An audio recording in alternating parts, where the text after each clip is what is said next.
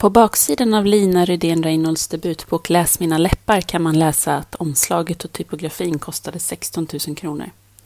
Författaren själv fick 15 000 kronor och korrekturläsaren 1 750 kronor plus semesterersättning och moms. Det är kolofonen som har flyttat ut, säger förläggare Gunnar Nirstedt i en intervju i Svensk Bokhandel.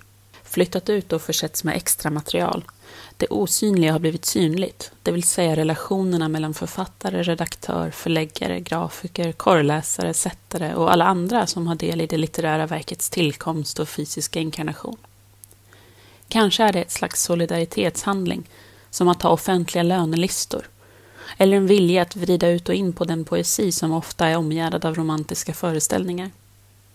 Baksidan sätter hur som helst tonen för en diktsamling som enligt pressutskicket ska handla om citat olika övergångar eller växlingar mellan agrart och industriellt, naturligt och artificiellt, enskilt och gemensamt, slutcitat, samt citat växlingar i ekonomisk bemärkelse, slutcitat.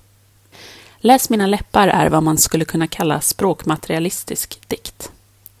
Det är en omtvistad term, men den är inte så dum. Åtminstone inte om man närmar sig den förutsättningslöst och låter den verka beskrivande istället för värderande. Lina Rydén Reynolds är uppenbarligen intresserad av materialismen och materien, av språkets beståndsdelar och de sätt på vilka de hör ihop. Dessutom finns här klara influenser från andra poeter som brukar räknas till den språkmaterialistiska skaran.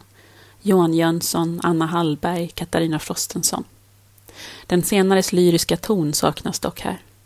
Rydén Reynolds börjar sin dikt med citat agnarnas vete, slutcitat, som citat skimrar, slutcitat, men lämnar snart sådana konkreta och kulturellt förankrade bilder till förmån för ett envist borrande i språkets undermedvetna, maskinens hjärna, vetenskapliga tekniker.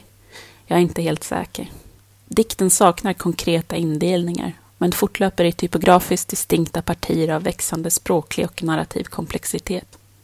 I början möter vi en stereotypiskt luftig diktboksida, som sedan byts ut mot täta prosaliknande passager och kolumner av text som löper parallellt med varandra utan att höra samman. Det finns ett par genomgående bilder av ätande och utbyte eller växling, och de får man som läsare hålla hårt i för att kunna orientera sig. Det finns ett jag i Läs mina läppar, men ändå framstår dikten som opersonlig, liksom subjektslös. Den röst som talar kan vara en eller flera.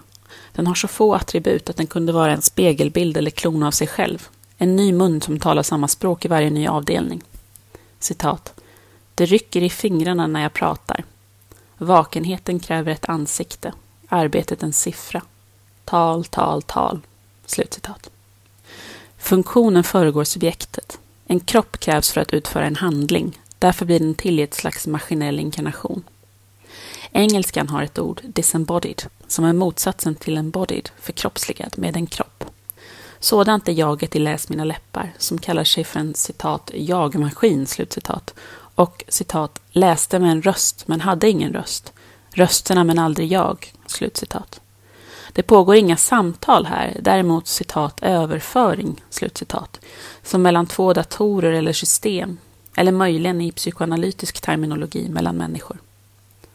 Jag har läst mycket science fiction på senaste tiden, till exempel Werner Winchs klassiker A Fire Upon the Deep 1992. Den präglar läsningen av den här diktsamlingen. Winges vidunder till artificiella intelligenser som tar människokroppar i besittning och förgör hela civilisationer hemsöker texten. Växlingarna mellan citat, naturligt och artificiellt slutcitat börjar likna maskinens kamp för att uppnå självmedvetande, eller kanske människans kamp för att behålla sin mänsklighet i ett industriellt och teknologiskt samhälle. Citat. Det står här statistisk inferens. Automatiseringen är också en imitation, att härma ditt arbete. Slutcitat. Vem härmar vem? En människa en annan eller en maskin en människa? I ett parti ger sig Rydén Reynolds in i långa tekniska utvikningar och schematiska diagram, där hon skriver teknisk forskarprosa om träningsdatasätt, neurala nätverk och logiska grindar. Brottstycken av mänsklig civilisation och kulturellt minne dyker upp i ett hav av, av automatoner och automatiseringar. Citat. Säger du odla min trädgård? Slutcitat. Men den frågan får inget svar. Rydén Reynolds jag letar efter gemenskap, men när gemenskapen infinner sig ter den sig förtryckande och jagutplånande. Citat. Att jag skulle bli en vimaskin, inte en kör. Måste göra mig till för att ingå i en stämma. Slutcitat. Det finns troper om gemenskap och solidaritet här, men de är missvisande. Det här är ingen demokratisk text. Den vacklar snarare någonstans mellan anarki och totalitarism. Det digitala systemet är både binärt och hierarkiskt. Ett eller noll, master and slave, lydnad och inte förhandling. Det kräver underkastelse. Dessutom är dikten i sig sluten. Den kräver förkunskaper och rätt nycklar. Den kräver en medvetenhet om den experimentella poesins traditioner. Ingenting är omedelbart eller tillgängligt. På så vis kan man tänka sig den här sortens diktning som ett barnbarn till T.S. Eliot och Ezra Pounds aristokratiska och elitutbildade modernism. Texten öppnar sig bara för rätt person. När Rydén Reynolds låter en grupp människor gå runt i ring och trycka citat sin ena hand om händerna som hålls bakom ryggarna, slutcitat, kan jag inte låta bli att tänka på Eliots cirklande av senapsgas förblindade soldater i det öde landet, också de sökande en mänsklighet någonstans mellan barndomens ramsor och den stora katastrofen. Det självlärande systemet är ständigt återkommande i Läs mina läppar. På många sätt är det antilyriskt till sin tvångsmässiga nyfikenhet och bundenhet. Villigt att lära, tvingat till upprepning istället för kreativitet. Citat. Ett neuralt nätverk uppmanas aldrig att utföra något utöver de kategorier som hör till dess utbildning. Slutcitat. Därmed innebär dess närvaro i dikten också frö till diktens egen undergång. Antingen tycker man att det är tjusigt, enligt dekonstruktionens logik, eller så blir man trött. Det är ganska, ja, gjort, vilket inte nödvändigtvis är av ondo, sonetter är också gjorda. Men den som vill arbeta i en väl inövad tradition måste också vara villig att utmana traditionen, att tänja på formen. Rydén Reynolds är inte där än. Och det kan man i och för sig inte heller kräva av en debutsamling. I de allra flesta fall är debuten det verk som tar ut riktningen, som prövande sänder ut ett skott för att se vad nästa steg ska bli. Och det finns lovande stunder i Läs mina läppar.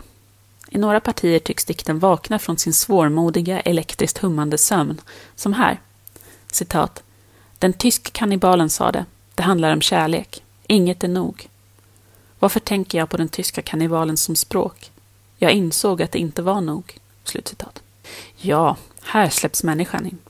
Vad det innebär att vara kött och blod, vilket gränssnittet är mellan kropp och själ, vad förutsättningen för ett språk är. I de långa hackiga prosapassager som dyker upp fram emot bokens slut närmar sig Rydén Reynolds något verkligt intressant. Något som påminner om Lars Jacobssons funderingar kring maskin och människa i romanen Kanalbyggarnas barn 1997, där maskinens sorg är dess sterilitet. Här finns rum för utveckling och spännande språng. Dikten ter sig empatisk och relevant, villig att kommunicera. Men Rydén Reynolds förlorar sig för snabbt i det obegripliga, det kanske allt för privata och slutna, så att jag som läsare återigen stängs ute och blir betraktare istället för deltagare.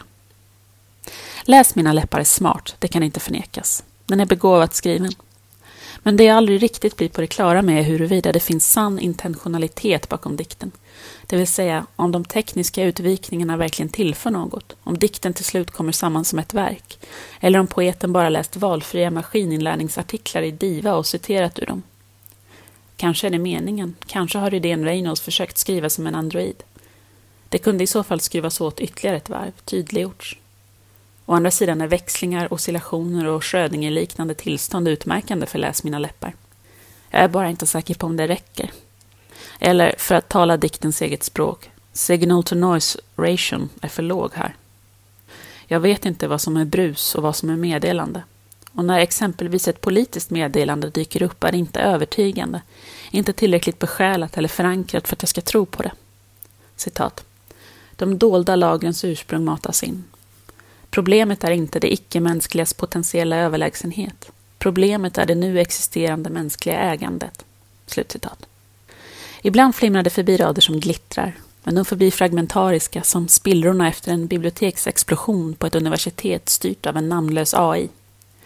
Någon hade behövt ta ett samlat grepp om den här texten, kanske klippt ner den från 112 sidor till 65 eller 70. Då är det möjligt att Lina Rydén Reynolds hade kunnat koncentrera sin dikt och sin talang. Jag ser henne gärna försöka igen.